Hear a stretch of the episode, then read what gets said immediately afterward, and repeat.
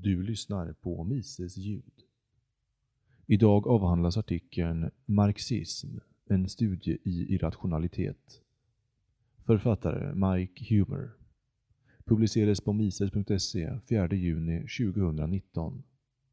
Svensk översättning av Joakim Kempe. Inläsare Magnus hälsar dig välkommen. Jag har för vana att använda marxism som ett exempel på en irrationell politisk tro. Detta är kontroversiellt i intellektuella kretsar. Vissa kommer säkert att uppröras av detta inlägg, men det påverkar inte alls det faktum att det är sant. Det enda det betyder är att vissa former av irrationalitet är populära i intellektuella kretsar. Faktum är att jag anser att marxism är ett typexempel på en irrationell politisk tro. Om inte marxism är irrationellt är ingenting det. Teorin har blivit så fullständigt motbevisad som en samhällsteori kan bli. Ibland frågar folk mig varför jag hävdar detta. Låt mig börja med varför jag hävdar att den har blivit motbevisad. Strax efter Marx var verksam avfärdades hans underliggande ekonomiska teori av i princip alla ekonomer och de ersatte den med en bättre teori. Det finns i princip ingen som studerar ämnet, utöver förtryckande marxistiska regimer, som fortfarande tror på arbetsvärdesteorin. Utan arbetsvärdesteorin finns det ingen teori om mervärde, ingen teori om exploatering och således faller den centrala kritiken mot kapitalismen. Om du inte vet vad jag talar om, läs vilken standardtext som helst om pristeori. Om du lär dig modern pristeori kommer du att övertygas om den och du kommer även att förkasta arbetsvärdesteorin. Marxism har testats många gånger. Det har testats i många olika länder med olika kulturer, på varje kontinent förutom Australien och Antarktis, av olika folk med olika variationer av teorin vid olika tillfällen. Varenda gång gick det fruktansvärt fel. Inte bara en eller två gånger, och inte bara lite fel. I det absolut bästa fallet blev resultatet extrem fattigdom och maktövergrepp. I det värsta fallet resulterade i de värsta övergreppen i mänsklighetens historia. Under 1900-talet mördades totalt sett mellan 100 och 150 miljoner människor av sin egen marxistiska regering. Att vara en marxist är att tro att man trots allt detta borde försöka en gång till. Ifall du är frestad att hävda att Marx inte hade kunnat förutse detta, det hade han visst kunnat göra. Det är knappast svårt att inse att det är problematiskt att ge staten total makt. Det är ju inte som att statens historia hade varit helt fläckfri innan 1900-talet, då folk med makt plötsligen, och för första gången i historien, började missbruka den. Detta är inte heller en högerextrem ideologisk åsikt. Mikhail Bakunin var en socialistisk anarkist och samtida med Marx. Han befann sig väldigt långt ut på vänsterkanten. Han varnade Marx för vad som skulle ske om marxisterna tog över makten.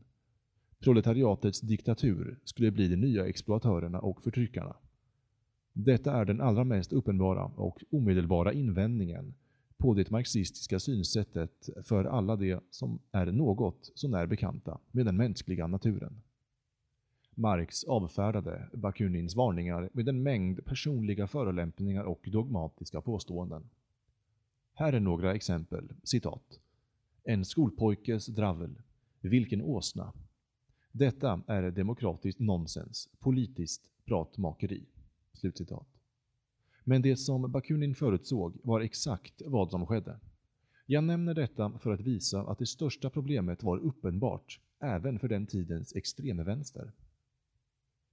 Den andra mest uppenbara invändningen mot kommunismen är att folk inte osjälviskt kommer att arbeta för samhällets bästa. Detta var knappast något nytt eller oförutsägbart som upptäcktes på 1900-talet. Återigen borde det ha varit uppenbart för alla med en grundläggande förståelse av den mänskliga naturen. Om denna person ägnade ens en gnutta tankeverksamhet på vad som skulle kunna gå fel. Om en person radikalt vill omdana samhället men inte spenderar någon tid att tänka på vad som kan gå fel, då är den personen irrationell. Bertrand Russell, en självutnämnd demokratisk socialist, hade detta att säga om Marx. Citat. Mina huvudsakliga invändningar mot Marx är dessa. För det första var han en grumlig tänkare. Och för det andra var hans tänkande nästan uteslutande inspirerat av hat. Slutcitat. Russell besökte Ryssland 1920, ett fåtal år efter att bolsjevikerna tagit över. Redan på detta tidiga stadie drog han slutsatsen att det kommunistiska experimentet var ett misslyckande. Jag nämner detta för att återigen visa att man inte behöver befinna sig på högerkanten för att för länge sedan ha insett att marxismen är problematisk. Och slutligen, innan jag glömmer det, i princip alla betydelsefulla, testbara förutsägelser som Marx uttryckte hade exakt motsatt resultat. Till exempel skulle medelklassen minska och slutligen försvinna. Underklassen skulle öka i storlek, alla skulle bli fattigare och sen skulle kapitalismen kollapsa på grund av sina motsättningar. Istället växte medelklassen, underklassen blev mindre, alla blev rikare. Kapitalismen spred sig och kommunismen kollapsade. Således, om nu någon idag, efter allt det vi har sett, hävdar att vi ändå borde testa marxismen en gång till, då hävdar jag att detta inte är rationellt, givet bevisen vi har framför oss.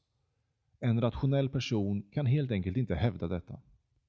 Trots detta är det lätt att springa på marxister idag, och det ter sig generellt som normala människor, till och med trevliga. Utöver att de är intelligenta och utbildade, trots att de är marxister.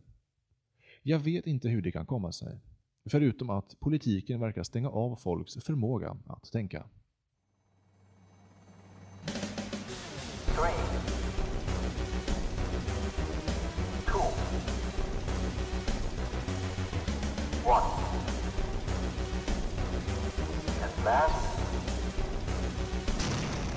Don't put your trust in politics